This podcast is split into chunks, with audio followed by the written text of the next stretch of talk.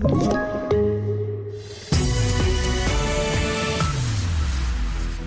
Ambulansförbundet kräver poliseskort, IS-kvinnor på väg till Sverige och man död efter polisjakt. Det här är TV4-nyheterna där vi börjar med att berätta att trots en ny lag så är det få som ställs inför rätta för filmning vid olyckor och ambulanspådrag.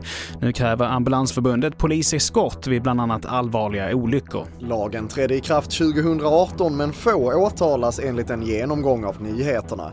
4525 fall har anmälts till och med 2020, men bara 119 har lett till åtal, vilket motsvarar 2,6 procent av alla anmälningar.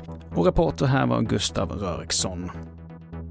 Vi fortsätter med att fler IS-kvinnor och deras barn uppges nu vara på väg till Sverige efter att ha suttit i läger i Syrien, det rapporterar SR. Och enligt deras korrespondent Cecilia Uddén så ska kvinnorna vara ångerfulla och vill få en rättslig prövning i Sverige.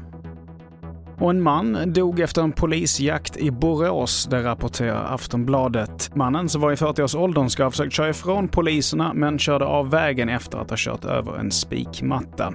Ingen polispatrull var i närheten när det hände och en förundersökning om grov vårdslöshet i trafik har inletts. Och vi fortsätter med att var tredje av de som dömts för synnerligen grovt narkotikabrott eller synnerligen grov narkotikasmuggling har varit ostraffade. Det visar en undersökning som P1-programmet i lagens namn gjort. Den siffran har ökat varje år sedan rubriceringen infördes. Enligt Tullverket använder sig kriminella gäng i allt högre utsträckning av ostraffade personer eftersom polisen har sämre koll på dem.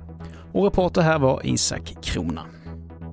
Och till sist så kan jag berätta att artisten och PR-konsulten Dominika Persinski nu ska ge sig in i politiken och kandidera för Liberalerna.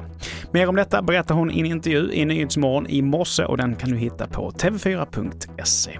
Det var det senaste från TV4 Nyheterna. Jag heter Mattias Nordgren.